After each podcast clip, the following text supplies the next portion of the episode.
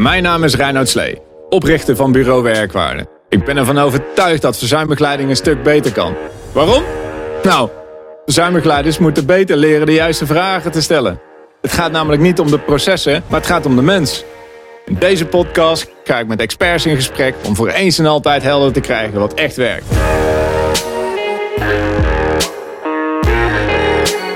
Dit is de Werkwaarde Podcast. Welkom bij uh, weer een nieuwe Werkwaarde Podcast. Uh, vandaag uh, Richard Heling van, van Heling Partners te gast. En we duiken er vandaag in, in letselschade. Stel je nou eens voor, is dat je zelf of een van je medewerkers betrokken raakt bij een ongeval. Misschien in het verkeer, misschien op de werkvloer. Hoe gaat het nou verder en hoe verhoudt zich dat tot, tot verzuim? Welkom Richard. Dankjewel. Tof dat je er bent. Ja. voor de mensen die je niet kennen, zou je jezelf wel even willen voorstellen? Ja, Natuurlijk. Uh, allereerst dank voor de uitnodiging. Ik vind het erg leuk om hier te zijn. Ik uh, ben Richard Heling.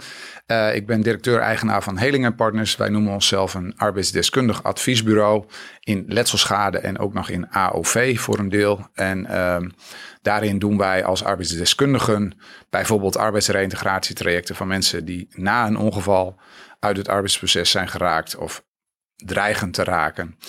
Uh, ik ben zelf ook arbeidsdeskundige. Uh, ik heb uh, het familiebedrijf, wat opgericht is door mijn vader, kunnen overnemen, zo'n twintig jaar geleden. En Heling Partners is nu een organisatie van een krappe 50 mensen. En met name werkzaam in die verzekeringsbranche. in de personenschade, in de letselschade, zo je wilt. door heel Nederland en voor een behoorlijk groot aantal verzekeringsmaatschappijen. Uh, zoals autoverzekeraars of bedrijfsaansprakelijkheidsverzekeringen, zoals jij dat mm. zei. Ja, tof uh, dat je er bent. Ik uh, vroeg me wel af, hè, van alles wat je had kunnen doen. Want ik bedoel, het familiebedrijf bestond, dus je denk, denk dat je in de gelegenheid was om het over te nemen. Klopt. Maar waarom heb je het gedaan? Nou, dat zal ik je vertellen. Ik heb uh, economie gedaan in, uh, in Groningen, bedrijfseconomie en dan als afstudeervariant Small Business Management. En ja, dit is een MKB-bedrijf, maar dit gaat ook over mensen. En economie gaat ook over mensen. Dit gaat over waarden, uh, economische waarden, maar het gaat eigenlijk om nut. En wat je ziet in die, in die personenschade, letselschade, is dat door een incident, ook nog eens door toedoen vaak van een fout van een ander, ineens jouw hele perspectief, jouw leven helemaal op zijn kop staat. En het bedrijf wat mijn vader is begonnen, die probeert middels arbeidsreintegratie, maar daaromheen ook nog allerlei zaken, weer perspectief in het leven van die mensen te brengen. Dus economie gaat over mensen.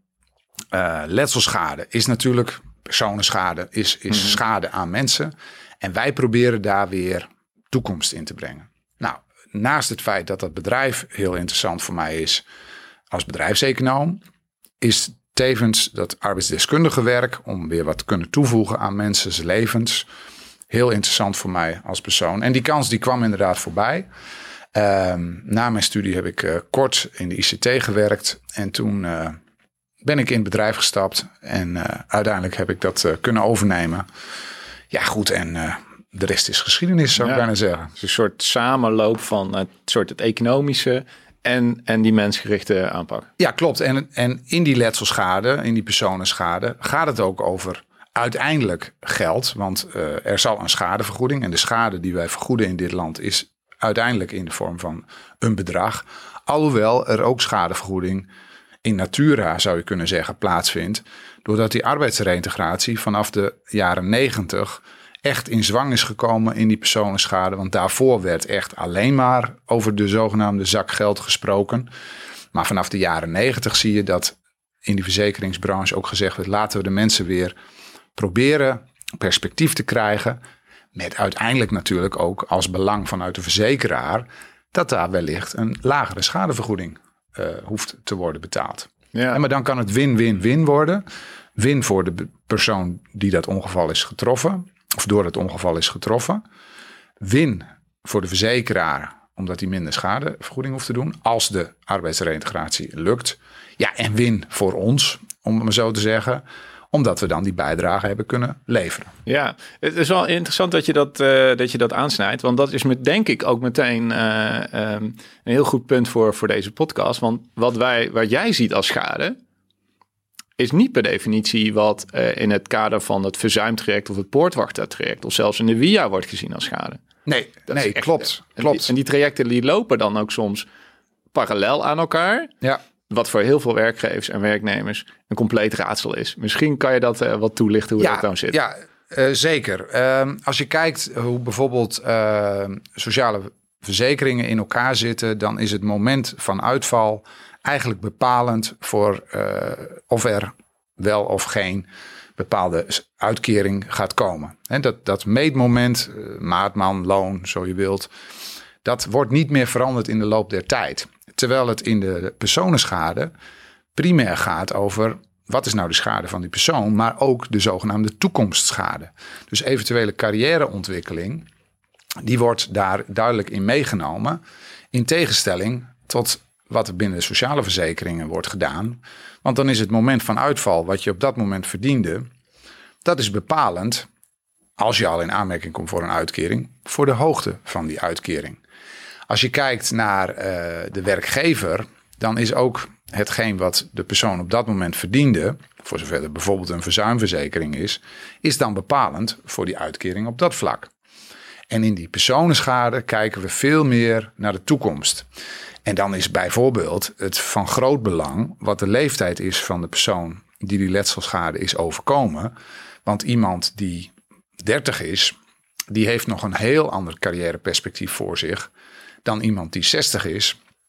En als gevolg daarvan zou er door de betrokken partijen ook kunnen worden gekozen om bij die persoon van 30 wel een stevig reïntegratietraject in te zetten. Mm En bij die persoon van 60 dat niet te doen en dan sneller over te gaan tot een schadevergoeding in geld. Omdat de zogenaamde schadereserve, de, de, hetgeen er nog in de toekomst verdiend had kunnen worden versus wat men nu nog ontvangt, voor zover men nog Ja. inkomen ontvangt. Ja, dat is een heel ander verhaal. Eh, stel je verdient eh, 25.000 netto per jaar en je moet nog 40 jaar. Dat is wel heel extreem, maar goed, dat kan natuurlijk heel goed als je 25 bent. Ja, dan is dat natuurlijk een heel ander bedrag dan dat je nog vijf jaar perspectief voor de boeg hebt. Ja. En is dan die eindleeftijd altijd de pensioengerechte leeftijd of AOW-gerechte leeftijd? Nee, dat hoeft niet. Als, ehm, als, we hebben natuurlijk ook letselschades van zelfstandig ondernemers. Als helder is en dat ook aannemelijk gemaakt kan worden dat iemand met 60 zou zijn gestopt, dan neem je 60 als eindleeftijd. Maar dat moet dan wel blijken uit bijvoorbeeld eh, pensioenplanning of uitspraken van die zelfstandig ondernemer. En je moet je voorstellen, iemand raakt betrokken bij een ongeval, eh, loopt daarbij letsel op. En die persoon in kwestie, het slachtoffer zo je wilt, wij noemen hem vaak de betrokkenen, die claimt een schadevergoeding en die moet die claim dan onderbouwen. Nou, de aansprakelijke partij, dat is vaak de verzekeraar van de veroorzaker van het ongeval, of in geval van een bedrijfsongeval is dat het bedrijf waar die persoon op dat moment werkzaam was. Die verzekeraar daarvan, die zal natuurlijk uh, kijken hoe aannemelijk is die onderbouwing. Ja, en dan liggen de belangen tegengesteld, want het slachtoffer wil vaak een wat hogere schadevergoeding dan dat de verzekeraar wil betalen. Ja, dat is natuurlijk de tegenstelde belangen. Precies, en in dat speelveld, daar krijg je dan discussie. Is er schade? Zo ja. Wat is dan die schade en hoe hoog is die schade? En dan zou een verzekeraar kunnen zeggen: Nou, wij stellen ons op het standpunt dat deze persoon met 60 zou zijn gestopt. Nou, als het slachtoffer daarmee akkoord is, dan is prima, dan neem je dat als uitgangspunt. Mm -hmm. Als het slachtoffer echt gezegd: Nee hoor, ik zou tot mijn 70ste zijn doorgegaan en dat blijkt uit die en die mm -hmm. zaken. Je krijgt dus een civielrechtelijke discussie. En het gaat dan vervolgens om de onderbouwing. Ja. Wat is aannemelijk en wat nemen partijen als uitgangspunt voor een eventuele schadevergoeding? Ja, er zitten een aantal kenmerkende verschillen dus tussen verzuimkosten en letselschade. Ja. En om daar te beginnen is bij verzuimkosten hebben we eigenlijk wat iemand verdiende de dag voordat hij ziek werd. Dat is eigenlijk bepalend voor de rest voor de, om de, de schade te berekenen. Ja. Hè? Terwijl eigenlijk in letselschade dat eventuele promotiekansen en een carrièreperspectief nog mee wordt genomen. Klopt. Een ander belangrijk verschil ook is uh, bij verzuimkosten, is dat we een maximale toerekening kennen eigenlijk van 12 jaar. Dus twee jaar loondoorbetaling bij ziekte Nou, indien geen loon. Ja, precies. Ja. En dan nog een premiedifferentiatie of eigen risicodragerschap voor 10 jaar. Mhm. Dus dat is 12 jaar. Eigenlijk maximaal. Klopt. Terwijl het in, jullie, in jullie geval bij Letsel zou het misschien wel eens 40 jaar kunnen zijn. Dat is ook wel Nou een ja, dingetje. eh, het, is, het is de rest van de arbeidscarrière. Excuus, dat is één.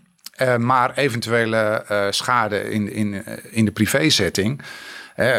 huishoudelijke arbeid die ingehuurd moet worden om, om een huishouden te runnen. Of zelfwerkzaamheid, nou, onderhoudsklusjes in en om het huis. Ja, die kunnen zelfs tot eh, iemand er niet meer is doorberekend worden. ja. Want eh, als je stopt met werken, ja, dan zien we nog wel eens dat juist er dan een aanvullende claim wordt. Want mensen zijn dan meer thuis. Dus eh, dan zeggen ze, ja, dan heb ik dus wat meer huishoudelijke arbeid nodig. Want door het ongeval kan ik dat niet meer doen. En wij hebben ook wel letselschades eh binnen gehad. Waarbij de mensen al met pensioen waren. Bijvoorbeeld omdat eh, de woning aangepast moest worden. Omdat iemand rolstoel aangewezen was na het ongeval. ja. En dan ga je dus eh, met elkaar kijken. En dan zit de schade niet in, in inkomensderving, of zoals dat bij ons heet, verlies arbeidsvermogen. Ehm, maar dan zit het in eh, het aanpassen van een woning, zodat iemand bijvoorbeeld op de benedenverdieping eh, sanitaire voorzieningen krijgt. Ehm, nou kan het daardoor gebeuren, want jullie zijn arbeidsdeskundigen. Ja. Dat de werkgever vanuit hè, de werknemer heeft betrokken bij een, bij een ongeval. Is niet in staat om te werken. Nou, dat duurt lang. Hè, dus op een gegeven moment bij langdurig verzuim komt de arbeidsdeskundige kijken hè, voor dat verzuimtraject. Ja. Voor aanpassingen in het eigen werk. En dan komen jullie ook nog een keer kijken. Ja, dat- Hoe zit dat? Nou, dat, dat kan verwarring inderdaad eh, opleveren. Hoe dat zit is dat die arbeidsdeskundige in het werkgever-werknemerspoor, in Poortwachter, die heeft daar min of meer een, een, zoals ik het zie, een geformaliseerde rol dat na verloop van tijd, zo om en bij het eerste jaar, dan moet dat gedaan worden, want anders dan zou er een consequentie kunnen komen bij de RIF-toetsing. Ehm, dat is dus een, een, ja, een invulling van een rol in dat poortwachtentraject. Daar waar wij eh, veel meer een rol hebben in het voorkomen van additionele schade of zelfs het oplossen van eventuele schade. Vanuit dat letselschadeperspectief. En wij hebben daarin dus niet die. We hebben ook wel die inschattende rol van is het eigen werk nog geschikt? Maar we hebben veel meer een langetermijn focus van waar zou deze persoon op lange termijn nog zijn of haar arbeidsvermogen te gelden kunnen maken. En eh, als het kan binnen de eigen functie. Maar misschien ook wel in een hele andere functie, misschien in een hele andere organisatie. Dus het, het perspectief wat wij hebben is, is anders. En de rol die wij hebben is naar mijn idee ook anders, omdat wij niet alleen die inschatting doen, die, die beoordeling zo je wilt, maar ook de uitvoering van het traject ter hand nemen. in het heel is- veel ja. gevallen. Ja, dus in het kader van het verzuim de poortwachter is het een soort verplicht onderdeel. Hè? Dus de Ja. werkgever moet aantonen wat hij heeft gedaan om herplaatsing mogelijk te maken binnen de eigen bedrijf. Want anders krijgt hij een loonsanctie. Nou, dat willen werkgevers voorkomen. Klopt. Ehm, daarnaast is natuurlijk ook is dat de interventies die die werkgever wil aanbieden en de kosten die die werkgever wil maken voor zo'n verzuimtraject. Ja, dat er is altijd een soort van kost te baten. En, Ja. Enigszins. Hè? Ik bedoel, Ja. Waar, zou je een auto van eh, eh, 50, 60.000 euro laten ombouwen voor een medewerker, terwijl het resterende verzuim, resterende loonkosten bij ziekte misschien nog 9000 euro. Ja, precies. Daar wordt die afweging gemaakt. Ja, en, die, en in het kader van verzuim en poortwachter en via is die schade redelijk gemaximaliseerd. Twee jaar loondoorbetaling, Klopt. tien jaar via. Via is gemaximaliseerd dagloon. Ja. Dus dan zitten we te denken aan tonnen. Hè? Laten we ergens tussen 2,5, 3,5 ton Ja. maximaal. Ja.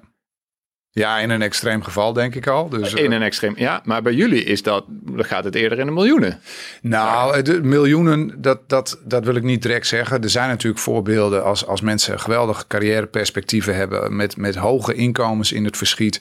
En daar zou niets meer van terecht eh, komen als gevolg van het ongeval. Dan kan dat inderdaad eh, op geld doen dat het in de tonnen loopt en misschien in een extreem geval zelfs nog meer. Uh, maar de looptijd is inderdaad veel langer. Dat is al een belangrijk uh, verschil uh, met, met werkgever-werknemerszaken. Um, en het tweede is dat, ja, um, die verzekeraar blijft aansprakelijk voor hetgeen wat gedaan is. Dus die, die is niet off de hoek tot het moment dat er een zogenaamde vaststellingsovereenkomst is getekend. Waarbij het slachtoffer dan zegt, nou ik ga akkoord met de geboden schadevergoeding en ik zie nu af van verdere uh, claims in de toekomst. En daar zijn die verzekeraars in de regel wel naar op zoek, omdat dat dossier dan definitief de kast uit kan. En uh, ja, dan ben je er ook af. Maar sommige slachtoffers die zeggen, er zitten zoveel onzekerheden in mijn toekomst, ik wil die schade nog niet uh, afwikkelen. En die worden vaak dan bijgestaan door, door belangenbehartigers zoals letselschadeadvocaten of gespecialiseerde ja. bureaus. En dus het, de, de looptijd is een groot verschil. Uh, het beperkt zich ook niet alleen tot, tot het inkomen uit arbeid. Zoals ik al zei, het kan ook over zelfwerkzaamheid gaan en het kan ook over, uh, over huishoudelijke zaken gaan. Alhoewel het meestal wel het inkomen is, is uh, de grootste component. Want ja, valt dat inkomen als gevolg van het ongeval weg, dan zal dat vergoed moeten worden. Ja, dat is wel een groot verschil dan ten opzichte van het poortwachten verzuimtraject wat we hebben. Uh, leveren jullie dan ook bijvoorbeeld aan die werkgever? Want die is dan toch ook in jullie situatie is, is die soort van belanghebbende. Ja, Daar absoluut, zijn reïntegratiekansen bij de werkgever. Hè? Mm -hmm. um, wat, wat, kan hij van jullie verwachten? Want dat is een soort parallel traject. Hoe, ja. Hoe, hoe nou ja, dat? ik denk dat we, uh, als wij bij zo'n zaak betrokken raken en het gaat over iemand die een loondienst uh, werkzaam is, mm -hmm. dan proberen we vanuit gezamenlijk belang en dat is denk ik weer de zo maximaal mogelijke inzet van de persoon waarom het gaat. Te kijken wat er mogelijk is. Um, echter, het kan heel goed zijn dat een werkgever, na alle inspanningen die die werkgever al heeft gedaan, uh, op een gegeven moment toch zegt: Nou, wij zien geen perspectief meer voor deze werknemer. En dan mm. kunnen die belangen tegengesteld worden. Maar aanvankelijk proberen we gezamenlijk op te trekken. En onze insteek is ook altijd die werkgever heeft een verplichting vanuit poortwachter, werknemer natuurlijk net zo goed. Uh, en indien niet nodig, interveneren wij daar absoluut niet in. Echter, onze opdrachtgevers hebben andere belangen dan die werkgever dat heeft. En dat wil nog wel eens discussie opleveren. Ja, ja en hoe ga je daarmee om? Ja, dat is, dat is communicatie. En dat gaat ook niet altijd goed, want dan wordt er ook gevraagd van ja, wij hebben al een arbeidsdeskundige ingeschakeld. Wat komt die arbeidsdeskundige van jullie dan hier doen? wat komt hij doen? Ja, wat komt hij hier doen? En nou, wat ja. gebeurt er nou als er nou twee, er zijn dus twee arbeidsdeskundigen. Ja. En als hij nou, uh, nou laten we zeggen, die, die hebben alle twee een advies of een standpunt of een conclusie. Laten we nou zeggen dat die niet hetzelfde is. Dat jullie bijvoorbeeld iets anders zien dan de arbeidsdeskundige binnen... Ja, dat kan. Uh, wij proberen altijd dat één in de lead is. En, en in de regel zal dat de arbeidsdeskundige zijn eh, die vanuit de werkgever komt, zolang er nog een werkgever-werknemersrelatie uh, is. Echter, stel dat die arbeidsdeskundige in kwestie van mening zou zijn dat er geen toekomst meer is binnen die werkgever. Ja. Wij denken altijd dat de grootste kans op succesvolle, duurzame arbeidsreintegratie bij de eigen werkgever is. Natuurlijk afhankelijk van de relatie tussen werknemer en werkgever. Mm -hmm. als die al zwaar vertroebeld is, ja, dan, dan worden die kansen kleiner. Maar zeker uh, kort na ongeval, voor zover wij er dan al bij betrokken zouden kunnen worden. Ja, dan is die werkgever natuurlijk bereid om alles te doen om die werknemer weer aan het werk te krijgen. Maar goed, soms dan, uh, dan uh, staan de, de standpunten uiteen. Ja, en als werkgever en de door de werkgever al dan niet via via ingehuurde arbeidsdeskundigen van mening zijn, het wordt hem hier niet. En daar is men ook van overtuigd. Ja, dan denk ik ook niet dat wij in staat zijn om, uh, om een andere mening daarin te krijgen. Maar je probeert het overleg te zoeken ja. zonder uh, in de positie te treden van die werkgever. Want die heeft een eigen verantwoordelijkheid vanuit de wet. Ja. En natuurlijk ook vanuit het goed werkgeverschap. We proberen consensus te vinden. Uh, staan de standpunten echt volledig uh, uit elkaar, ja, dan, dan gaat het ook niet meer lukken. He, want er moet bij betrokken partijen, bij de werkgever, maar natuurlijk ook bij de werknemer zelf, de overtuiging zijn dat de toekomst bij die werkgever ligt. En als die werknemer het ook niet meer ziet zitten, want ja, de werkgever wil toch niet meer, ja, ja dan wordt het heel lastig. Zie je dat nou vaker gebeuren bijvoorbeeld bij bedrijfsongevallen? Nee, bij bedrijfsongevallen zie je vaak dat uh, er een, ik zou bijna zeggen, nog grotere verantwoordelijkheid wordt eh, gevoeld bij de werkgever. Hm, Omdat dat het, ja, absoluut. En wij zien eigenlijk ook eh, veel minder bedrijfsongevallen bij ons, omdat die werkgever dan zegt: ja, maar wat er ook gebeurt, eh, het is hier op het werk gebeurd. Dus wij zorgen dat die werknemer een plekje krijgt bij ons in het bedrijf, of we gaan er wel voor zorgen dat hij elders anders, ergens anders aan de bak komt. Maar Ja. die pakken dan een grotere verantwoordelijkheid dan dat iemand door toedoen van bijvoorbeeld een verkeersongeval van een willekeurige derde uit het ja. arbeidsproces. Want dat is buiten de eigen invloedssfeer. Ja.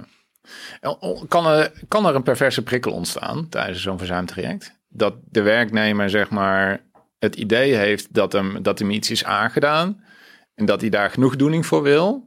En dat hij dus eh, vanuit die hoedanigheid eigenlijk soort geprikkeld wordt of gestimuleerd wordt om die schade zeg maar, eh, zeg maar op, groot te maken. Ja. En dat een werkgever met zijn case managers en HR en alles wat daarbij zit, eigenlijk probeert om een medewerker te reintegreren. En dat dat dan een soort twee tegenstelde belangen kunnen worden. Ja, dat kan. Eh, ieder mens is uniek. Hè, laten we daarmee beginnen. En ik zeg altijd, stel het je jezelf eens voor. Je wordt op een zeker moment in het verkeer of tijdens het werk getroffen door zo'n ongeval. Waar je niet op zit te wachten. Waarna je hele leven op zijn kop staat. Kijk, het kan zijn dat eh, bewust of zelfs onbewust dat er iets heerst bij, dat, bij die betrokkenen en degene die het ongeval is overkomen van eerst moet mijn schade volledig en compleet worden vergoed voordat ik weer wat ga doen. Ja. Ehm, dat kan ook ingegeven worden door, eh, door eh, omgeving. Ik zal een uitspraak doen van, nou, als je zo'n ongeval hebt meegemaakt, dan krijg je, dat is goed voor drie ton. Stel dat dat door Ja. iemand op een zeker moment is gezegd. Dan kan het zo zijn dat voordat die drie ton op de bankrekening is bijgeschreven, ja, dat er niks komt. dat er niks komt. En want als de overtuiging heerst bij dat slachtoffer, bij die betrokkenen, van ik krijg dus eerst drie ton of ik moet eerst drie ton hebben en daarna zien we verder. Ja, dan kun je proberen wat je wil. Of je nou vanuit werkgeverszijde komt of in ons geval vanuit die letselschade komt. Dan is er geen intrinsieke motivatie om weer de toekomst op te pakken voordat die schadevergoeding komt. Ja. Nou, en dat is natuurlijk lastig, want niemand zal zeggen van ik ga niet meewerken aan mijn arbeidsreintegratie. Want dan zal er gezegd worden, oh, u wilt niet. Ja, maar dat, dat- ja, dat klopt. Maar tussen niet willen en niet kunnen, daar zit echt een enorm, zeg maar, grijs vlak. Nou, eh. en dat is, en, en dat is dus eh, ook de vraag die wij vaak krijgen, niet zelden vanuit verzekeraarskant, van ja, is, is betrokkenen wel gemotiveerd om weer te hervatten? Ja. Wij krijgen de indruk dat hij of zij nou niet altijd super meewerkt. Dus kan daar een perverse prikkel van uitgaan? Ja, absoluut. Zeker als eh, er over bedragen gesproken wordt. Ehm, en iemand heeft een bepaald bedrag in zijn of haar hoofd. Ja, die gaat dat niet uitspreken. Maar dan kan het heel goed zijn dat voordat die schade afgewikkeld is, mensen niet bewegen. Wij hebben ook wel eens incidenteel verhalen gehoord. Dat nadat zo'n schadevergoedingstraject is afgewikkeld, ja, dat mensen daarna plotseling gaan werken wel, of zo, of iets. Ja, dat ze weer Tot gaan hervatten, of dat ze meer gaan werken, of, of wat dan ook. Ja. De andere kant is, eh, Verbaast me niks, eerlijk gezegd. En Nou dat vind ik ook niet echt verwijtbaar, eerlijk gezegd. Van, bedoel, het is, door toedoen van een ander, hè? En het is ook een onbewust proces. Ik bedoel, er, er zitten mensen om je heen. Je hebt een letselschadeadvocaat. En die, die werkt misschien wel eh, op eh, no cure, no pay. Dus, Ja. dus die is een soort intrinsiek verbonden, zeg maar, met, eh, met de hoogte van die schadevergoeding. Dus de- die, die medewerkers om, omringd door allerlei mensen die eigenlijk zeggen, ja, je hebt, je hebt heel veel schade. En, Ja, je hebt recht op een schadevergoeding. ja, en, en, en een, hele, een heel succesvol reïntegratietraject, dat onbewust denk ik dat dat gewoon niet matcht. Nou Dat ja, is kijk, het, het is dus. ehm, als, dat, als dat idee bij ons bovenkomt, dan, Hmm. dan proberen wij in gesprek te gaan eh, en te zeggen: ja, maar hoe stel je dat dan voor? Hè, van, Ja. dan komt daar een bedrag X op jouw bankrekening. Maar dan zit je nog steeds wel thuis. Ja. En dat bedrag X, afhankelijk van hoe hoog het is, daar kun je langer of korter van leven. Hoe ze, en wat wil je dan gaan doen? Ehm, dus je probeert scenario's te schetsen van, van waar zit je nu en waar ga je naartoe en hoe, hoe stel jij je toekomst voor. Maar het zal je maar gebeuren wat ik net ook al zei, hè, je zult getroffen worden door zo'n ongeval. En ineens kan een heleboel niet meer. Ja. Eh, je werk lukt niet meer. Maar ook in de hobbysfeer of in de, in de thuissfeer. Ja. Ehm, lamp verwisselen lukt niet meer. nou ja, lamp verwisselen lukt Ja. niet meer. Eh, eh, vakanties zien er misschien heel anders uit. Hè, waar, waar veel mensen Ja. eh, naar uitzien. Eh, Ja, dat kan niet meer. Eh, hobby's kunnen niet meer uitgeoefend worden. En ja, voor het niet meer kunnen uitoefenen van, eh, van een hobby. Ja, daar wordt een beetje relatief een beetje smartengeld voor betaald. Wellicht. Maar daar verdien je je geld niet mee. Dus daar zit, zit geen. Hè, maar, maar het valt weg uit je leven. En ik kan me dus heel goed voorstellen dat mensen zeggen: ik wil eerst die letselschade afgewikkeld hebben voordat ik weer verder ga. Wat je ook nog wel eens ziet, is dat zo'n letselschadezaak, dat slachtoffers zich daarin vastbijten bijten in de zin dat het een soort ja, doel op zich wordt. Ja. En, en eh, afhankelijk van hoe dat dan loopt en naarmate de tijd verstrijkt, ja, dan wordt dat een, een, een, een, bijna een eh, invulling, een, een levensdoel. Ja. De, de letselzaak op zich. Die, die herken ik wel. Want in meer of mindere mate komt dat soms tijdens verzuim ook wel voor. Hè? Er zijn eh, werknemers die eh, vinden dat ze ziek zijn geworden door de situatie of de omstandigheden op het werk. Hoeft dan misschien niet een, een, een, een ongeval te zijn, zoals dat bij jullie gebeurt. Maar dat kan ook iets zijn, bijvoorbeeld nou, eh, burn-out klachten. Dat Ja. een werknemer vindt dat, dat, hè, dat de werkgever Ja, de, aandeel ja, heeft. precies. Ja. En dat ze ook, dat werknemers dan ook een bepaalde, moet zeggen, ehm, genoegdoening willen. Klopt. Com- Ja? Compensatie van hetgeen wat hen is afgenomen. Ja. Of wat hen is overkomen. Ja, en- En totdat dat gedaan is, ja, eh, lukt het dus ook dan niet om mensen in beweging te krijgen. En dat, ja, dat. Er gaan ook stemmen eh, op, of er gingen wel stemmen op, dat, dat bijvoorbeeld ehm arbeidsreïntegratie eigenlijk pas zou moeten gaan starten na afwikkeling van die schade. Echter, die arbeidsreïntegratie is in die zin natuurlijk dan, dan moet je wel met elkaar afspreken van op basis waarvan gaan we die schade dan afwikkelen. Gaan we afwikkelen ervan uitgaande dat iemand weer inkomen gaat genereren? Mhm. Of gaan we ervan uit dat iemand nooit meer inkomen gaat genereren? Want er is natuurlijk een verschil van dag en nacht eh, wat voor schadevergoeding daar moet komen. ja, dat gaat me aanstaan. En het arbeidsreïntegratietraject zelf, dat klinkt misschien vreemd, maar dat kan ook invloed hebben op de hoogte van een eventuele schadevergoeding. Ik zal het proberen uit te leggen. Stel, wij gaan met eh, iemand aan de slag. En dat zijn soms trajecten, eh, schrik niet, hè, zeker als er nog opleiding bij hoort, van soms jaren. En dat is niet eh, een, een zes maand begeleidingstraject. Nee, we hebben we hebben zelfs een zaak ooit meer dan 15 jaar in de kast gehad bij ons met, met afwisselende periodes. Want er was eerst scholing en toen arbeidsreïntegratie en nog een keer en nog een keer. Nou, van alles en nog wat. Een, een heel leven trok voorbij. Maar op het moment dat zo'n arbeidsreïntegratietraject definitief, voor zover er iets dan definitief mislukt, dan heb je als het ware met elkaar aangetoond dat ondanks alle inspanningen het niet lukt om deze persoon weer Ja. aan het werk te krijgen. Dat betekent dat dat voor de schadevergoeding dan als uitgangspunt zou moeten gaan gelden. Dat betekent, deze meneer of mevrouw gaat de rest van haar leven geen inkomen uit arbeid meer genereren. Dat zou zonder het ongeval absoluut wel aan de orde zijn. Nou, dan moeten we dat als uitgangspunt nemen voor die schadevergoeding. Dus je kunt zeggen, het mislukken van een arbeidsreïntegratietraject kan duidelijkheid verschaffen die uiteindelijk leidt tot het regelen van die schade. Ja, en dan is het natuurlijk voor een betalende partij, voor zover ze daar ooit achter zouden komen hoor, maar wel uit de zuur als ze van daaruit die schade vergoeden. En vervolgens horen ze van eh, een half jaar later is iemand weer aan het werk. Ja. Ja, en toch denk ik wel dat, dat, dat de, de herstel- en de reïntegratiekansen na afwikkeling van die schade, dat die wel groter zijn dan daarvoor. Nou ja, dat, dat, dat zeg ik. Hè. Er waren, ik weet bijvoorbeeld vanuit de revalidatie, werd ook eh, op een gegeven moment het standpunt door een aantal revalidatieinstellingen in Nederland gezegd van ja, zolang die schade niet geregeld is, Ja. hoef je eigenlijk niet te beginnen aan arbeidsreïntegratie, CQ arbeidsrevalidatie. Ja.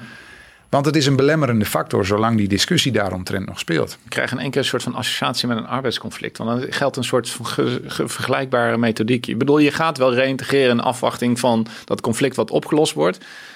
Maar het is altijd, Er zit een rem op. er zit een rem op. Ja, nee, dat precies. klopt. En, Ja. en die schadezaak, ja, en dat is denk ik ook, als je het hebt over verzuim, eh, wat ontstaat vanuit eh, een ongeval, vanuit een letselschade. Ja.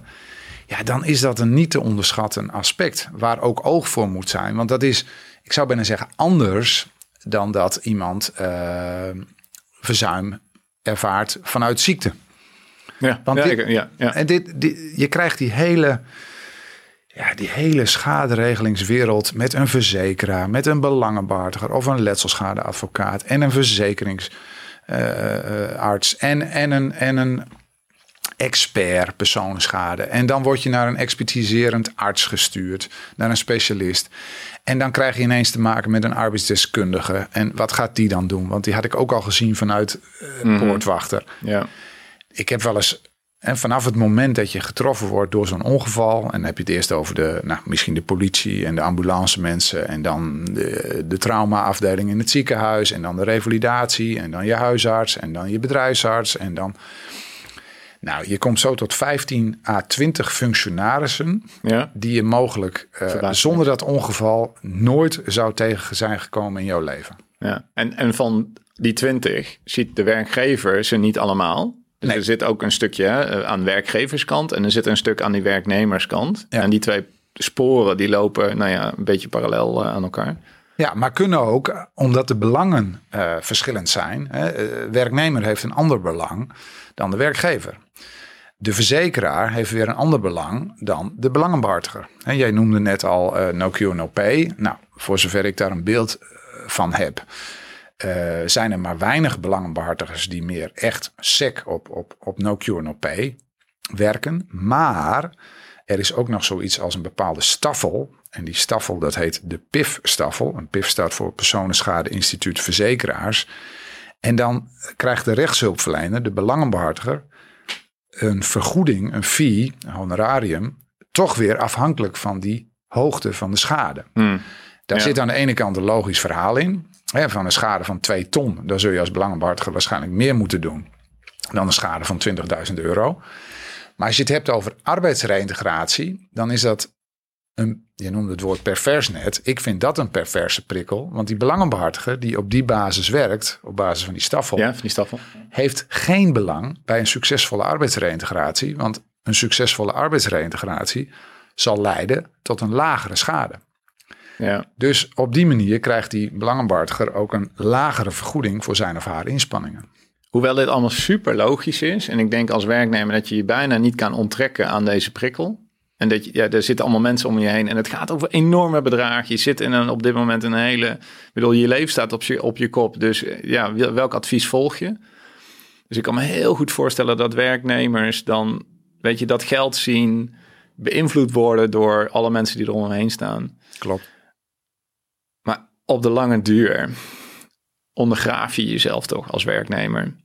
Als je, als je gaat voor, dat, voor het grote geld op korte termijn. Ja, dan kom je dus meer op de vraag van eh, wat wil je in, in de rest van je leven? Hè, ehm, merendeel van de mensen, verreweg het merendeel van de mensen die getroffen wordt door een ongeval, die willen maar één ding. En dat is terug naar de situatie zoals het was op het moment van het ongeval. Alleen die letsels waar wij mee van doen hebben, Hmm. kan dat niet. Nou, dan, dan is het uitgangspunt in die schaderegeling dat je iemand probeert terug te brengen, zoveel als mogelijk in de situatie van voor het ongeval.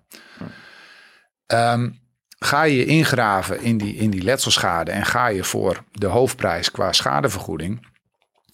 Ja, dat is maar net hoe je zelf in elkaar zit, of je daar gelukkiger van wordt. En dat is dus eh, grotendeels individueel bepaald. Het lijkt inderdaad een, een wat korte termijn verhaal, maar ja, het kan natuurlijk heel goed zijn dat door middel van zo'n schadevergoeding, en dat hebben wij ook wel eens gezien, ineens een lang gekoesterde droom, bijvoorbeeld het kopen van een boot, mogelijk wordt. Oh ja, tuurlijk. Nou ja, er, er komt in één keer een som geld vrij. Dat kan. En daarmee kun je ook dingen doen die zonder dat eh, eh, bedrag mogelijk niet tot jouw eh, eh, leven zou hebben behoord. Nou, je wordt wel even wakker geschud, denk ik. Dus dat, het zou me niet verbazen dat mensen echt Nou ja, fundamenteel andere keuzes gemaakt. Eh, Sommige mensen zien ineens, eh, nadat ze zijn getroffen, eh, de grote, het schip met geld, eh, om in diezelfde termen te blijven voorkomen. Ja, en die zullen pas die schade willen afwikkelen totdat het geld er is. Dat belemmert ze denk ik wel om hun leven weer op te pakken. Maar goed, ik heb makkelijk praten, want ik ben zelf nooit in die situatie geweest. Nee, het is moeilijk. Ja. En hoe zou nou... Nee, laat het omdraaien. Want de, de vraag die ik wilde stellen, hoe kan een werkgever nou ondersteunend zijn? Heb jij misschien uit jouw eigen praktijk of binnen je organisatie een soort werkgevers, maar best best practices? Werkgevers die op een of andere manier heel ondersteunend waren in, in hun aanpak richting die werknemer en naar jullie? Ja, kijk, altijd is het het mooiste als werkgever en werknemer eh, gezamenlijk optrekken. Dus vanuit een gezamenlijk belang. Ehm, en ja, wij, wij zien werkgevers die, die alles uit de kast trekken om eh, werkplekken aan te passen, om arbeidstijden aan te passen. Hey, ik, heb, ik heb zelf een zaak begeleid eh, waarbij iemand heel waardevol werd geacht door de werkgever. Maar die was absoluut niet meer in staat als gevolg van de beperkingen vanuit het ongeval om nog een achturige werkdag eh, te doen. Nou, die werkgever eh, die heeft eh, gezegd: werk maar zoveel uren als je kunt. Als dat vier uur op een dag is, is het prima. Als het vijf uur is, het ook goed.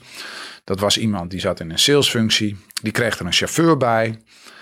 En die kreeg als klap op de vuurpijl ook nog hetzelfde salaris. Dus die ging bij wijze van spreken 50% werken.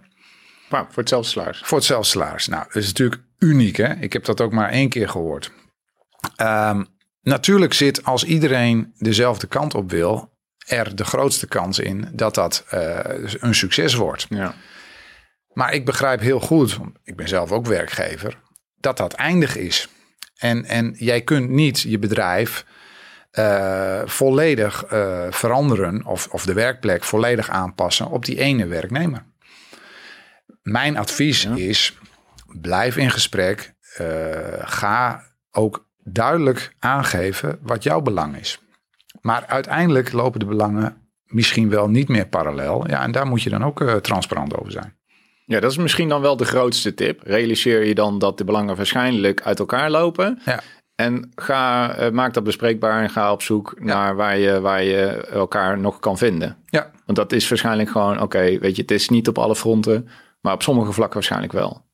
Ja, dat klopt. Maar uiteindelijk, eh, waar ligt jouw toekomst? Kijk, zo'n werkgever gaat verder met zijn of haar bedrijf of met organisatie. Daar moet die werknemer dan wel in passen. En, en eh, als de werknemer door toedoen van het ongeval dusdanig beperkt is dat dat echt niet meer tot de mogelijkheden behoort, ja, dan lopen die toekomsten niet meer parallel. Ja, en in letselschade kan het dus gebeuren dat het dus wordt afgewikkeld met zo'n vaststellingsovereenkomst. Ja. Is dat het wordt afgesloten en, nou, en, en verder. Ja. Maar het kan dus ook wel gebeuren dat er een soort van blanco cheque is, bij wijze van spreken. Dat dit nog heel lang duurt voordat die schade wordt afgewikkeld. Ja, als partijen niet tot elkaar komen, ja, dan wordt die schade niet afgewikkeld. Want je hebt, it takes two to tango. En als één partij niet wil tekenen, eh, dan wordt die schade niet afgewikkeld. En dan kun je ook komen dat, dat de ene partij de andere voor het gerecht daagt. En dat men zegt, dan moet de rechter maar een uitspraak gaan doen eh, over een ho- hoogte van een schadevergoeding. Dus waar dat, waar dat verzuim en die schadelastbeheersing voor het verzuim, die loondoorbetaalingskosten, de WIA, eventueel premieverhoging voor die WIA, dat is uiteindelijk gemaximaliseerd. Ja. Gaat dit verder? Ja, dit kan veel verder gaan. Ja, Ja. Dit, dit, dit kan. Kijk, incidenteel komt het ook in de media. En dat mensen twintig jaar bezig zijn met de afwikkeling van hun letselschade. Dat kan. Ongelooflijk. En wat, wat is nou... Wat is nou een beetje een gebruikelijk termijn? 20 jaar is natuurlijk wel echt is super lang. Nou, de, de branche zelf heeft een, een zogenaamde gedragscode behandeling letselschade.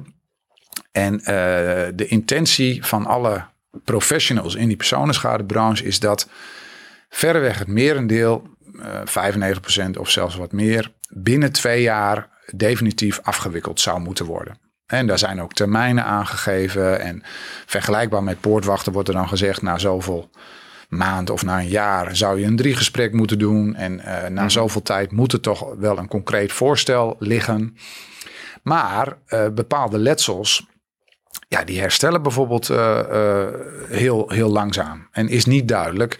Dan is er nog geen medische eindtoestand. En dan is het natuurlijk heel lastig om op basis van mogelijk nog verder herstel, om dan toch te gaan afwikkelen. Ja. Um, de intentie is om dat, dat, om dat binnen die twee jaar definitief af te wikkelen. Maar dat lukt niet altijd. Van alle duizenden letselschades die er per jaar zijn, zijn er altijd een x aantal die langer lopen. En soms heel plausibele redenen. Bijvoorbeeld omdat er nog geen medische eindtoestand is. Ja. Maar ook bijvoorbeeld omdat, en wat wij dan wel zien, is dat uh, nou, het werk wat men deed ten tijde van het ongeval is niet meer mogelijk. Er wordt gekozen om een omscholingstraject in te zetten. Maar dat is een traject van, ik noem maar wat, drie jaar. Ja, dan, dan, dan wil je wel weten, als dat lukt, kunnen we dan daarna afwikkelen. En dan zijn partijen het er ook over eens dat het niet binnen die twee jaar lukt. Dat kan. Ja. En toen me denken, denken dat ik ooit een keer een case heb gehad. Uh, ik ging arbeidskundig onderzoek doen mhm. voor een glazenwasser. Ja. Die uh, beperkt was in, uh, in, zijn, in zijn arm en zijn schouders. Ja. er waren een forse beperking. Dus dan weet je dat. Nou, nou dan is het werk in feite. Hoef je geen arbeidsdeskundige voor te zijn, maar is ongeschikt. Ja, nee. Nou, grappig was, is dat we toen ik daar uh, dat onderzoek ging doen, dat ik erachter kwam, is dat die beste meneer HBO geschoold was. Ja, dat kan. Nou, die, nou ja, goed, dat zie ik niet zo heel vaak. Uh, klopt, klopt. dus dat de HBO-geschoolde uh, uiteindelijk glazenwasser worden. Want ja, die was daar zo ingerold als, als bijbaan en toen is hij blijven hangen. Ja. Uh, dus voor hem lag het heel erg, we lagen de omscholingskansen. Ja, die waren eigenlijk best plenty. Want ja. hand- en vingergebruik, computer, dat kon allemaal nog wel. Hij was HBO geschoold, dus ja. hij kon van alles nog doen. Dus in dat geval waren die omscholingstrajecten voor hem, ja, die waren er. Theoretisch, maar was hij daar ook toe gemotiveerd? Ja, was hij ook. Oké, nou ja, dan, dan heb je een goede kans. Uh, ja, dat had hij ook zeker. Maar dat was dus wel, bedoel, uh, dat ging wel verder dan een omscholing tot taxichauffeur, zeg maar. Of heftruckchauffeur, wat je kan rekenen binnen, zeg maar, drie maanden of zo. Ja. Dat waren, ik bedoel, die, eh, die kon een post-HBO-opleiding, die ja. kon arbeidsdeskundige worden. Bij ja. Ja, ja, ja. Ja, nee, wij hebben, wij hebben, uh, wij hebben mensen die, die een technische achtergrond hadden, hebben wij uh, theoretisch geschoold. Uh, we hebben mensen HBO-opleidingen zien doen en, en daarin begeleiding gaan doen. Om vervolgens de arbeidsmarktkansen substantieel te verhogen. Dus echt van MBO naar HBO. Als kwaliteiten aanwezig zijn en als de persoon zelf daar ook een intrinsieke motivatie voor heeft, dan heeft dat kans van slagen. Ja. En dan kan dat ook uit, dan kan het zelfs zo zijn, in een uiterst geval, dat het zogenaamde arbeidsvermogen na zo'n reïntegratietraject, na zo'n omscholings- of bijscholingstraject, hoger ligt dan wat men zou hebben gehad als het ongeval zich helemaal niet had voorgedaan. Want men was bijvoorbeeld in jouw voorbeeld als glazenwasser ja. actief gebleven. Dat, zou, dat is, nou ja, dat is wel bijzonder, denk ik. Ja, dat, dat nou ja, een, een, uh, wat vaak als voorbeeld, of vaak wat ik wel eens gehoord heb als voorbeeld, iemand uh, is tegelzetter uh, of glazenwasser in jouw voorbeeld, uitvoerend bezig. Nou, dan kun je een bepaald uurtarief vragen en dat is gemaximeerd, want ja, de markt bepaalt dat uurtarief. Uitvoerend werk is door toedoen van de beperkingen uit het ongeval niet meer mogelijk. En die persoon die gaat een bedrijf en dus niet als ZZP'er als tegelzetter of mm. als ZZP'er glazenwasser. Nee, die begint een glazenwassersbedrijf en heeft daar de kwaliteiten voor. Ja, en die heeft ineens vijf of tien glazenwassers. Ja, en uiteindelijk is hij als ondernemer in de glazenwasserbusiness misschien wel beter af ja. dan als ZZP'er in de glazenwasser. Interessant. Komt dat zelfstandig ondernemerschap Komt dat dan relatief vaak voor in, in, in, in, in letsel? Zeg maar, dat, Wij bekijken altijd dat, uh, zeker met de, met de ontwikkeling, hè, steeds meer ZZP'ers. En, en het is altijd wel een optie, ook omdat als ZZP'er je meer dan in loondienst in staat bent om je eigen ureninzet ja. te bepalen. Mm Dus uh, nou, zolang als, als ons bedrijf bestaat, is dat altijd wel een, een mogelijkheid geweest, voor zover de betrokkenen daar zelf ook wat in ziet. En dat moet wel, ja, uh, nou, in iemand zitten is misschien wat, wat te veel gezegd, maar je kunt het idee opperen. Uh, Maar dat moet dan ook een, een drive bij die persoon zitten van ja, ik zie mezelf dat wel doen. Ja. En daar zijn mooie voorbeelden van. Ja, er zijn natuurlijk ook trajecten dat blijkt dat iemand toch niet die ondernemerskills heeft. Dus dat het dan uh, uiteindelijk uh, niks wordt. En dat iemand beter af is in een loondienstfunctie. Alleen een loondienstfunctie, daar moet je toch wel in het keurslijf van de functieomschrijving passen. En in het keurslijf van de arbeidsovereenkomst. Ja. ja en veelal is dat toch x uur per dag uh, of zoveel uur in de week. Ja. Ja, nee, ik snap. Ik kan die, die redenering, die volg ik. Hè? Ja. Dus als je zelfstandig ondernemer bent, heb je meer mogelijkheden, denk ik, om het werk naar je eigen hand te zetten. Ja. Ik bedoel, je creëert je eigen werk, meer regelmogelijkheden. En ja. uh, voor mensen die uh, niet juist daar afhankelijk van zijn, van die regelmogelijkheden, zou dit wel eens een hele mooie kans kunnen zijn. Klopt. Ja hoor, we, we, we hebben prachtig mooie trajecten. Dat, dat mensen als zelfstandig ondernemer eigen bedrijf, eigen ZZP'erschap opstarten. Hmm. En, en daar dan ook vanuit de beperkingen die men uh, heeft overgehouden van het ongeval prima kunnen functioneren. Vanuit verzuim zie ik echter zelfstandig ondernemerschap wat minder vaak voorkomen. Ja, ik, Ken je dat? Ja, want ik denk dat. Um, kijk, verzuim gaat al over een werknemer of een werknemster. Mhm. Mm -hmm. Dus die hele belevingswereld is loondienst. En op het moment dat je dus uh, zegt, iemand gaat als zelfstandig aan de gang, dan verlies je natuurlijk heel veel zekerheden die je als werknemer of werknemster wel hebt. He, want uh, hoe gaat het met het risico van arbeidsongeschiktheid? Hoe gaat het met de pensioenopbouw? Uh, hoe gaat het met het voeren van een administratie? Dat zijn allemaal dingen die erbij komen die in een loondienstfunctie veelal niet voor de betrokken persoon aan Hmm. de orde zijn. Ja.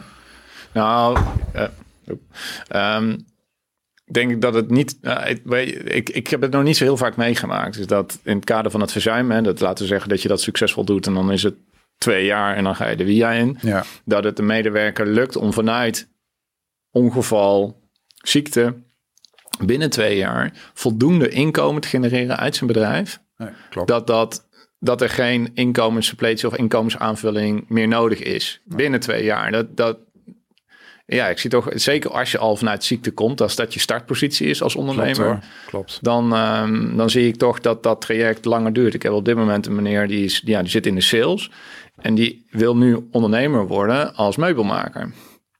Ja. Super mooi. En hij heeft al mooie projecten gedaan. Alleen nu, zit, nu loopt de via-aanvraag. Er is nog niet genoeg inkomen nee. om, daar, om daar uit van te kunnen leven. Dus hij blijft wel afhankelijk dan voor die via. Ja, klopt. Nou ja, en in die letselschade kan dan wel uh, mogelijk gekeken worden naar die verzekeraar, die aansprakelijke partij. Of die dan niet dat tijdelijk uh, wil aanvullen totdat iemand zelfstandig dat inkomen. En dat zijn natuurlijk wel trajecten waarbij je, je zou bijna kunnen zeggen, een voordeel hebt dat er nog een aansprakelijke partij is, ja. waar je ook een beroep op kunt doen. In die zin van, zijn jullie bereid om, om dat te overbruggen totdat ja. er voldoende is? Maar dan wil die verzekeraar natuurlijk ook wel perspectief dat dat eindig is. He, want als er structureel aangevuld moet worden, dan zeggen ze ja, is dat dan een duurzame oplossing? En dan gaan ze weer rekenen. Uh, wat zijn de kosten, wat zijn de baten? En, en zo'n zo'n uh, zo'n via-uitkering, wordt die nou in mindering gebracht op, uh, op de hoogte van die, van die schade? Ja, de schaderegeling zelf en de bedragen, daar, daar zitten wij niet bij, bij, die, bij die afwikkeling. Maar er wordt gewoon gekeken, wat heb jij na ongeval aan inkomen? En dan wordt er natuurlijk, zou ik bijna zeggen, rekening gehouden met zo'n via-uitkering. Alleen de onzekerheden die daar eventueel ook ja. in zitten, daar moet dan ook weer naar gekeken worden. Hè? Als, als er nog een herkeuring uh, op stapel uh, komt, te zijn ja. tijd. Ja, kan. Dan zegt misschien de belangenbehartiger van het slachtoffer: ja, ik wil wel een soort garantie dat als de uitkering van het UWV te zijn tijd wegvalt, dan wil ik daar weer op terug kunnen komen. Nou, zo, zo gauw die vaststellingsovereenkomst er is, dan kan dat niet meer. Dus of je houdt die zaak open ja. met de toekomstige rekening, of je zegt: ik, nou, ik vergoed jou dan wat meer, zodat je dat risico wat je daarmee loopt uh, afgedekt hebt. Dus ja, de, hoe die, uh, de, de casus, dat maakt heel erg dus uh, of, je, of zo'n schade afgewikkeld wordt. Ja, het is, het is maatwerk. Hè? En, en dat maakt ook dat verzekeraars. Uh, ja, dat is lastig te calculeren. Hè. Verzekeraars uh, die willen graag weten waar zijn we aan toe. Hè. De, de, vandaag uh, vindt een ongeval plaats. Nou, wat gaat ons dat in totaliteit kosten? Ja, met al die onzekerheden, met, met ook wet, wetten die veranderen, ja. kun je daar eigenlijk heel slecht wat van zeggen. Uh, een uitgangspunt is dat je het slachtoffer neemt zoals die op dat moment is. Hè. Dus rij je Willem-Alexander aan, ja, dan heb je een andere schade dan dat je mij aanrijdt. Uh, dat kun je je voorstellen. Um, maar die onzekerheid maakt ook dat je totaal niet weet hoeveel geld je kwijt bent. Uh, wat zijn de kosten van begeleiding? Wat zijn de kosten van behandeling? Wat zijn de kosten van partijen zoals wij? En men probeert daar wel kaders voor te krijgen, te normeren en te standaardiseren. Maar goed, het blijft naar mijn overtuiging maatwerk. En uh, dat is slecht uh, in te calculeren.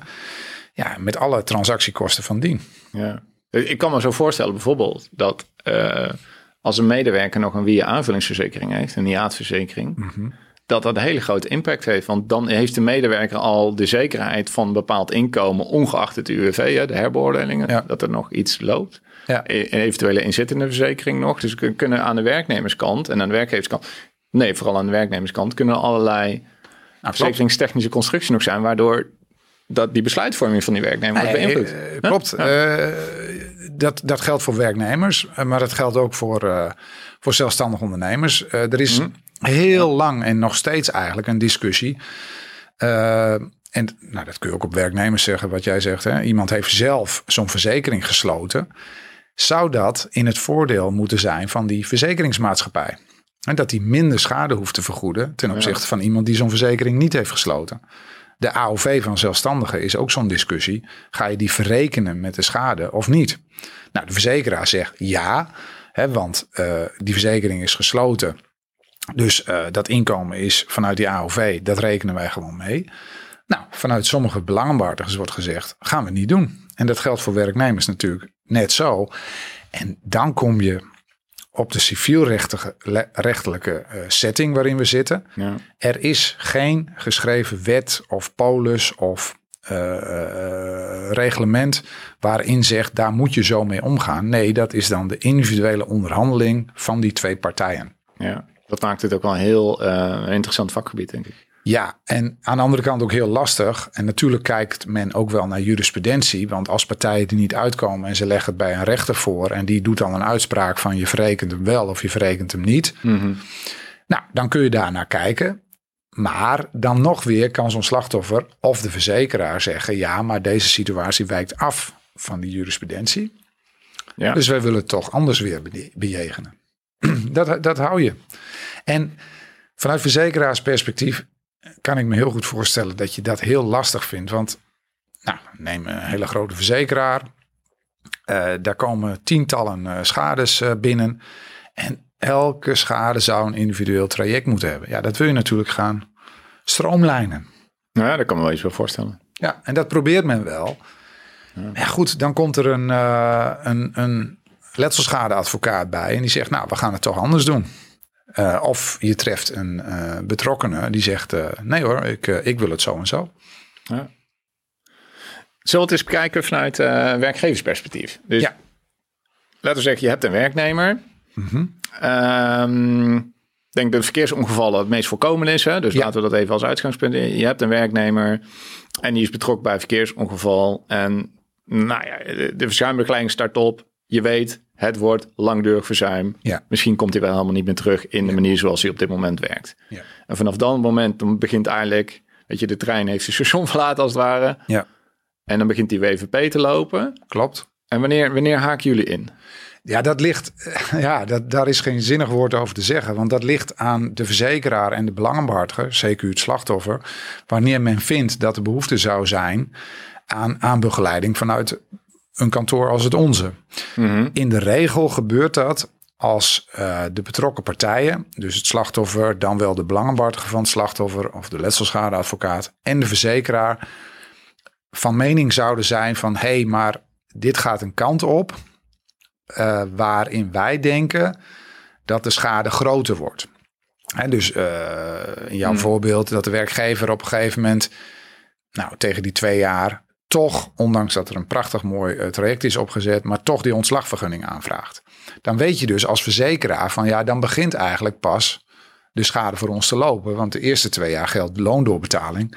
Misschien heb je het in het tweede jaar een keer over, over 30% dat, uh, dat er minder uitbetaald wordt. Kan overigens zijn dat de werkgever nog regres voert hè, voor Ja, de, voor de zeggen. netto, netto eh, salariskosten. Ja. De werkgever kan ook eh, de kosten van reïntegratiebegeleiding bij de aansprakelijke partijen eh, vorderen. Mhm. Maar dan moet je wel als werkgever, je hebt een titel onder welke je dat kunt doen. Maar dan moet je dus als werkgever die claim neerleggen bij die aansprakelijke partij. Als werkgever moet je dan ook weten wie de aansprakelijke partij is. Je moet Ja. dan ook weten hoe je dat doet. Mhm. Ehm, Niet eenvoudig, overigens. Hè? nou ja, daar zijn wel weer gespecialiseerde bureaus die zich daarop op werpen. Maar in principe moet je als werkgever gewoon die loondoorbetaling doen. En je kunt lang niet alle kosten die je maakt, kun je, eh, kun je voldoen. En zolang dat traject vanuit het belang van verzekeraar en betrokkenen goed loopt, wat dat dan ook mogen zijn, want die kunnen ook weer van elkaar afwijken, dan zal er geen reden zijn om ons daarbij te betrekken. Nou, Dus wij zien regelmatig dat als die arbeidsrelatie eindig lijkt te zijn, dat we dan pas. dan pas erin komen. Ja, en we hebben natuurlijk ook zaken dat dat, eh, dat, dat heel kort voor het aflopen van een arbeidscontract is. En dat, dat, dat, ehm, Dus Nou. ook, ook bij jullie, want dat zie ik in het verzuim heel vaak gebeuren, hè, dat iedereen zit te wachten op het UWV. ja, dat kan. Dat Want, kan. want de werkgever wacht op het UWV Ja. om uh, arbeidsovereenkomst aan te passen. Ja, Zodra die arbeidsovereenkomst is aangepast of is beëindigd, dan gaan ontstaat we er wat voor- doen. dan gaan, komen jullie pas. nou, dat is een moment, hè. Dan, dan wordt er weer wat duidelijk. En afhankelijk van die duidelijkheid vinden mensen, of de betrokken partijen, dat ze wel wat moeten doen, of dat ze, het, Ja. dat ze niks hoeven te doen. En tot die duidelijkheid er is, ja, zou je bijna zeggen, eh, wacht men af. ja, er zit toch een beetje een wachtstand. Ja, tot op zekere hoogte is dat ook heel verklaarbaar. Want Tuurlijk. die poortwachter is er. Dus je mag er ook van uitgaan dat er maximaal inspanning wordt geleverd door werkgever en werknemer. Om die arbeidscapaciteit, ja, ik zou maar zeggen, te gelden te maken, CQ te benutten. En tot het moment dat duidelijk is dat dat niet meer gaat lukken, ontstaat er eigenlijk nog niet een hele grote schade voor die aansprakelijke verzekeraar. En als nou de werkgever een sanctie krijgt omdat hij er niet alles aan heeft gedaan om de werknemer te reintegreren, Ja. Wat dan?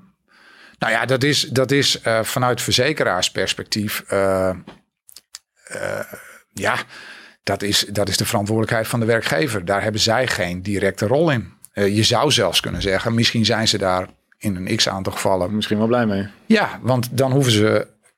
In tegenstelling tot dat iemand bij huis komt en, en op een veel lager inkomensniveau zit vanuit een via-uitkering, of misschien zelfs helemaal niets, hoeft die verzekeraar veel minder te betalen. Ja, dus die is er eigenlijk wel gebaat bij. Nou, laten we het heel even een stapje verder doen. Stel eens voor is dat het UWV eigenlijk voornemens is om een loonsanctie op te leggen, maar Ja. buiten termijn is.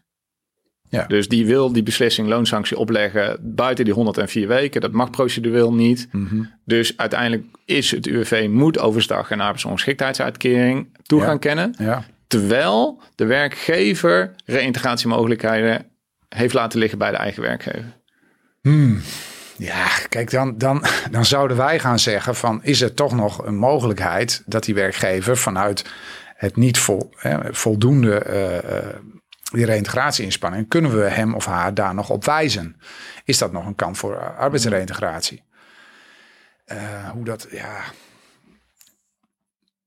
Wat, wat, eh, wat is concreet je, je vraag? Nou ja, ik zie het steeds vaker eh, gebeuren. De capaciteitsproblematiek bij, eh, bij het UWV. Dat beslissingen buiten einde wachttijd worden Ja, genomen. ja. Dat wil dus zeggen dat er geen loonsancties meer kunnen worden opgelegd. Dus ik, ik, ik verwacht in de komende periode, de komende jaren, is dat we dat, dat, dat een realiteit wordt waar we Ja. aan moeten wennen. Is dat er misschien is dat er werkgevers zijn. Nou ja, waarvan het UWV zegt, je hebt niet goed geïntegreerd. Even, het is een subjectieve beoordeling. Ja, oké. Het UWV eh, vindt dat. Ja.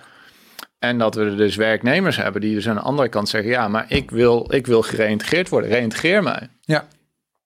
Ja, ja, dan gaan wij kijken wat, wat is er nog mogelijk. En als het UWV van mening is dat er nog mogelijkheden eh, onbenut zijn bij de werkgever, dan zullen we die werkgever daar natuurlijk mee confronteren. Echter, als die werkgever zegt: Ik ben off de hoek, want UWV is te laat. Ja. Ja, daar heb je het weer van die belangen. Hè? En dan, Ja. ja, wij gaan ook wel eh, samen met eh, de betrokkenen in bezwaar tegen het UWV.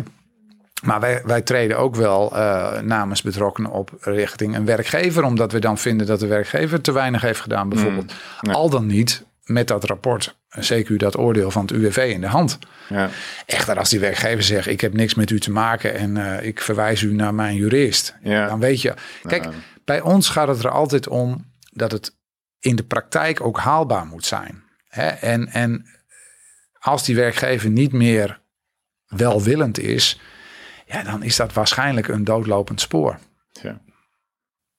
Ja. Dat, dat is denk ik ter, eh, ter afronding eh, is dat wel een mooie. Is dat je eigenlijk, jullie stappen in vanuit het werknemersperspectief of de belang van de, van de werknemer. Hè? Ja, Eh, inkomensperspectief, carrièreperspectief, dat Ja. proberen jullie te, te compenseren. ja.